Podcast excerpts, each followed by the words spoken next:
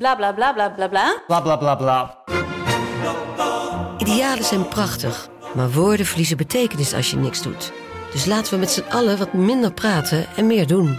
Bij Agmea zijn wij vast begonnen. Zo gaan wij voor minder verkeersslachtoffers, gezonde werknemers en duurzame woningen.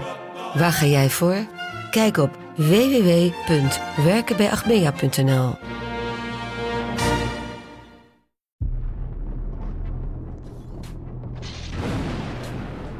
Tim, goedemorgen. Goedemorgen. Welkom in een nieuwe VI ZSM. Dag na weer een mooie Champions League avond kunnen we wel stellen. Ja, een historisch avondje was het eigenlijk, hè? Door de vijf goals van Haaland. En ja, dat, dat blijft toch wel bijzonder om naar te kijken. Mag ik daar gelijk op inhaken dat eh, na binnen een uur heeft hij vijf doelpunten gemaakt. Guardiola haalt hem eraf. Ja. En die zegt dan eigenlijk komt het erop neer van... ja, dat, dat record evenaren prima, maar verbreken nog even niet. Want als je dat op je 22 al doet, ja, dan is het niet meer leuk. Ja, ik, eh, dat was natuurlijk een grapje. Ehm, en ik vond het eigenlijk niet zo grappig. Ik, ik Nee. snap wel dat... eh, kijk, de man is verantwoordelijk voor wat er nog komt. Hè. Ze staan dik voor, ze gaan winnen. eh, ze zijn in de titelrace. Hij wil de Champions League winnen. Dus voordat mensen gaan zeggen dat ik dat vergeet, dat snap ik. En waarschijnlijk doet hij het juiste. Maar ik ging wel staan en dacht van... Ah, kom op, man. Kom op. Ja, nog een half uur. Je hebt toch het idee van nou, zeven doelpunten moet toch Het minimaal lukken. heeft hij. Ja. Vijf goals.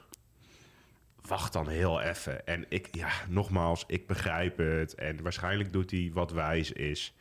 Eh, maar je zag hem ook kijken. Haaland, lopen, een beetje lachen.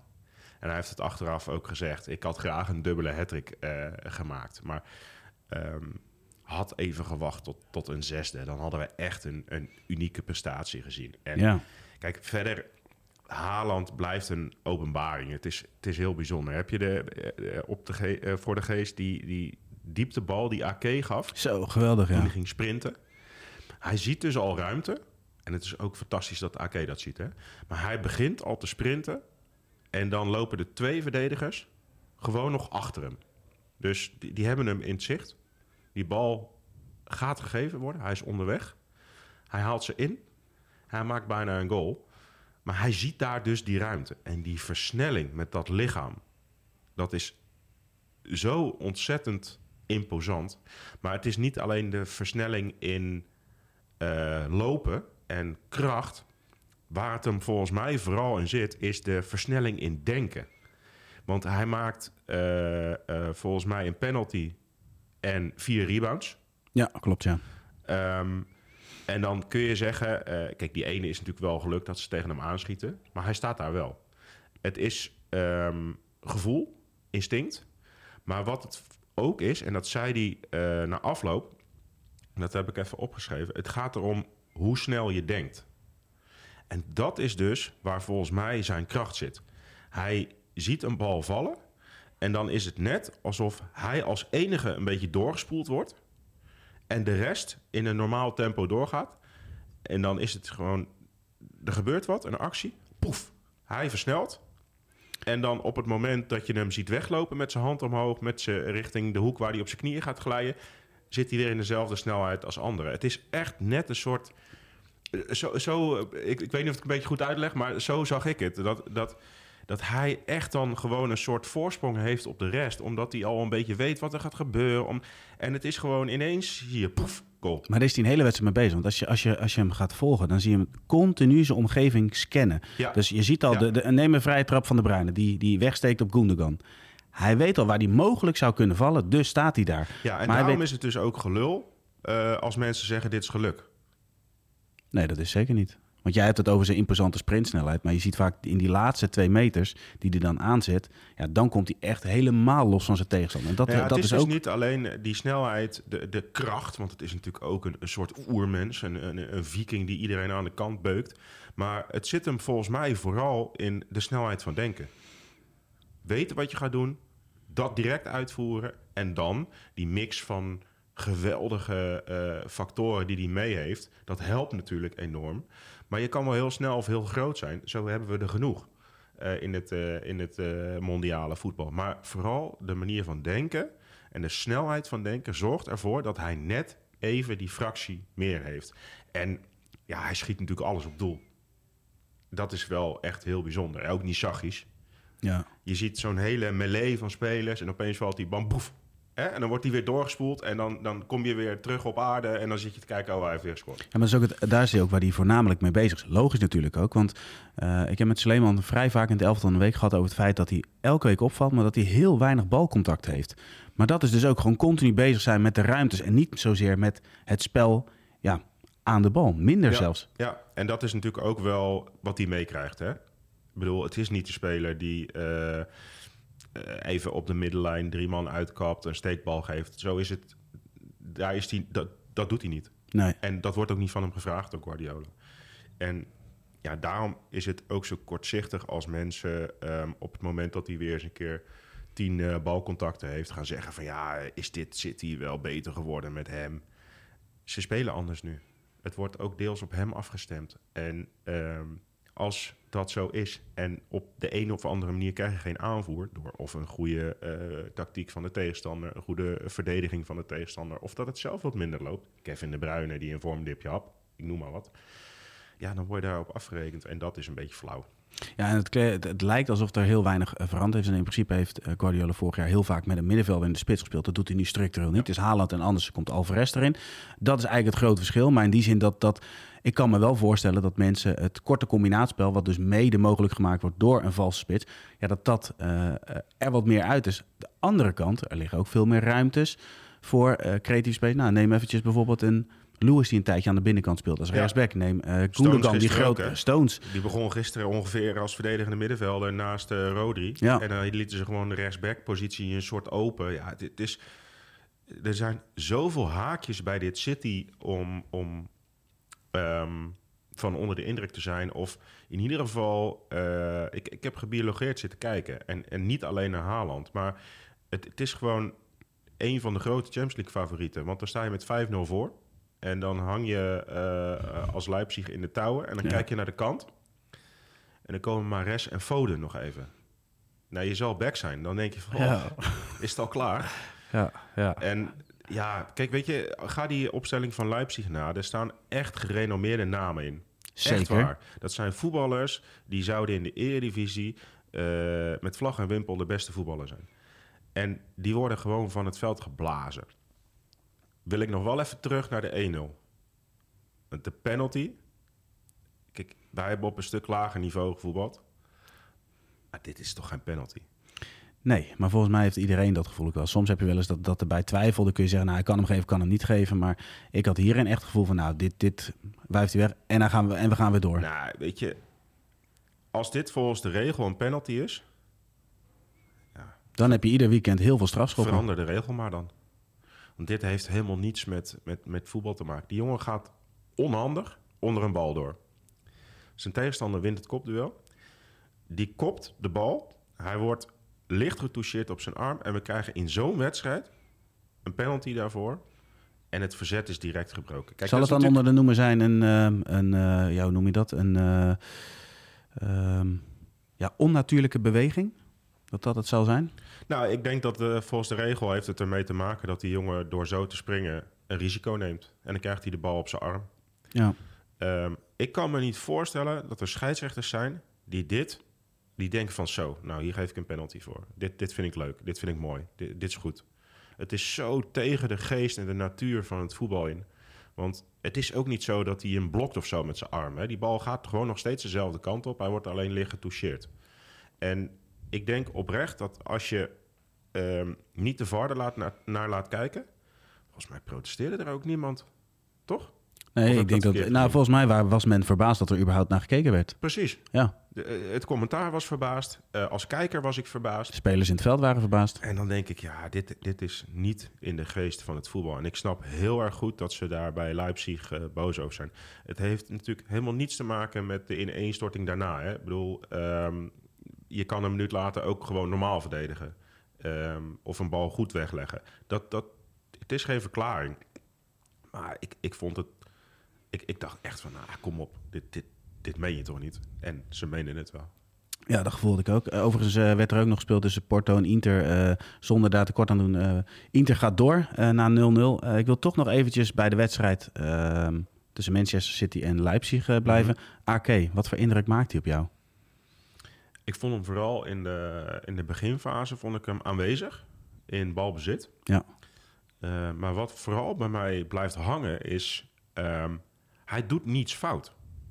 Aan de bal niet. En hij neemt toch af en toe wel eens een risicootje. Neemt de Zeker, lange bal ja. Haaland.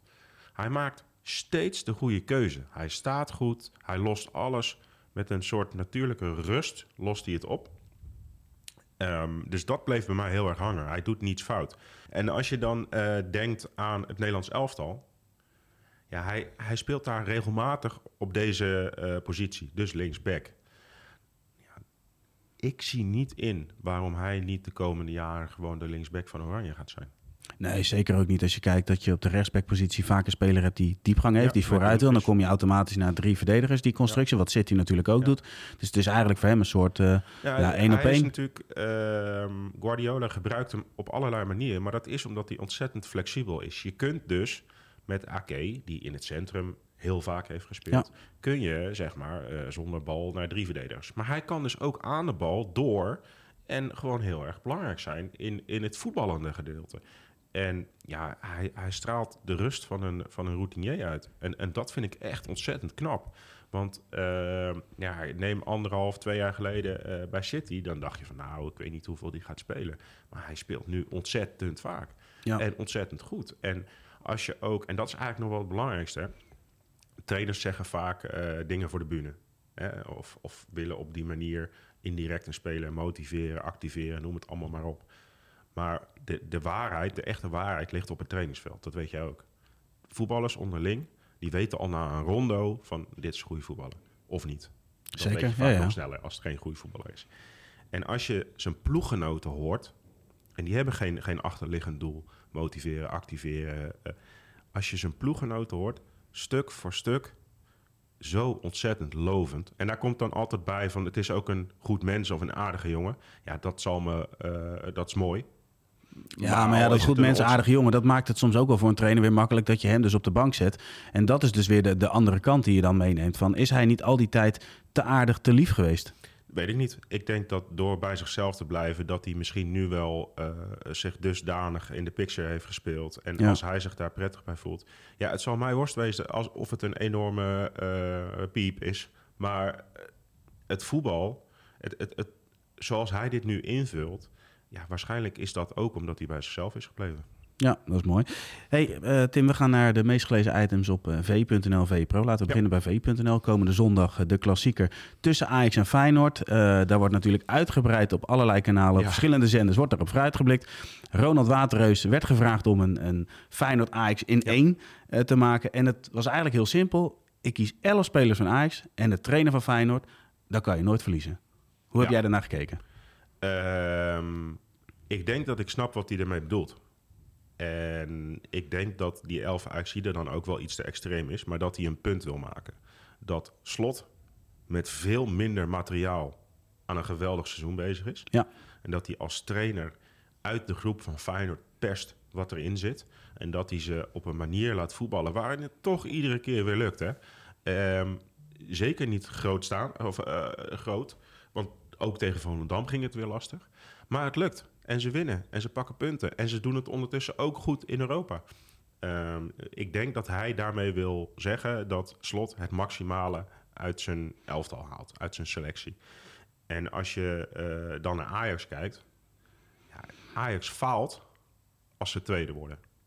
Uh, ja, Zo simpel kunnen we ja. zijn. Ajax heeft een periode lang geschutterd in de Eredivisie. Met zulk materiaal. Um, ik denk dat dat zijn, zijn statement was. Ja. Want als je heel sec gaat kijken... en ik snap het hè, voor het plaatje en de discussie op gang brengen... dus ik snap echt wel hoe het werkt. Maar als je gaat kijken, dan heb je Wijndal, Hartman. Ik zou toch zeggen dat Hartman ja. dit seizoen iets beter presteert dan Wijndal tot nu toe. En dan heb ik het niet over potentie, want Wijndal is nog steeds die goede voetballer die die kan zijn. Alleen het komt er nog niet uit. Precies. De vorm van nu bekijkend uh, Hartman. is Hartman beter. Maar goed, Hansko is een naam die bij mij naar voren... Hansko. Bessie, uh, Timber Gertruida, Taylor Kutsu. Uh, Alvarez niet aan zijn beste seizoen bezig. Wiever, uh, die natuurlijk wel een goed seizoen heeft. Dus ja, tuurlijk kun je per positie gaan zeggen... beter mee eens, beter niet mee eens. Ik zou niet op 11 Ajax eruit komen. Maar Wel het merendeel is Ajax ziet als je naar de individuele kwaliteit kijkt. Uh, ja, en daarmee uh, is het statement rond. Ja. Want eigenlijk hoort Ajax dus bovenaan te staan. En ik denk dat dat vooral zijn boodschap is. Helemaal eens. Dan gaan we naar het meest gelezen item op VPRO. Uh, van hand van Sleeman Usturk. En dat gaat eigenlijk over dat, dat Cody Kakpo, laat maar zeggen, nog Cody Kakpo. Ja, beter, dat hij eigenlijk nog beter is dan we al dachten. En dat zit Nou. hem ook, je had het net bij Haaland over het denken. Ja. En dat zit bij hem er ook in. Ja. eh, dat is wel grappig, hè? Want uh, Suleiman heeft deze column geschreven voor de Nieuwe V. Oftewel, de deadline ligt op zondag. En uh, gisteravond zie je uh, wat Suleiman benoemt in die column over Gakpo. Het scannen, het denken, het zien van Haaland zie je dus terugkomen. Dat is één. Um, maar de column gaat over Gakpo. Ja. En um, het verhaal van Souli is dat je uh, Gakpo constant ziet scannen, ziet kijken en om zich heen ruimtes uh, in kaart aan het brengen is. Uh, hij vergelijkt het met Xavi, die zeg maar als de exorcist zijn nek eraf draaide steeds. Ja, ja, ja. En daarom die bijnaam had in de kleedkamer van Barcelona. En hij noemt dus Haaland.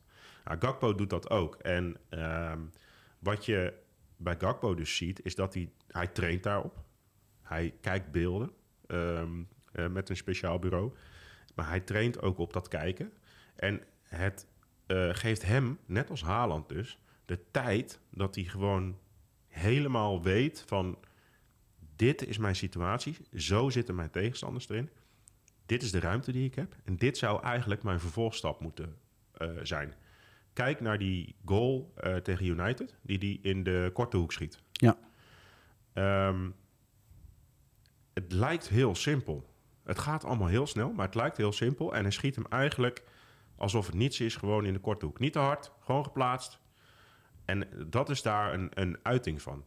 En uh, Suleiman noemt hem niet. En ik heb het gisteren wel even met hem over gehad. Ik moest toen hij dit uh, omschreef, moest ik heel erg uh, denken aan Luc Niels. Voor de, voor de jongere kijker, Ja, ja. ga alsjeblieft op YouTube naar Luc Niels kijken.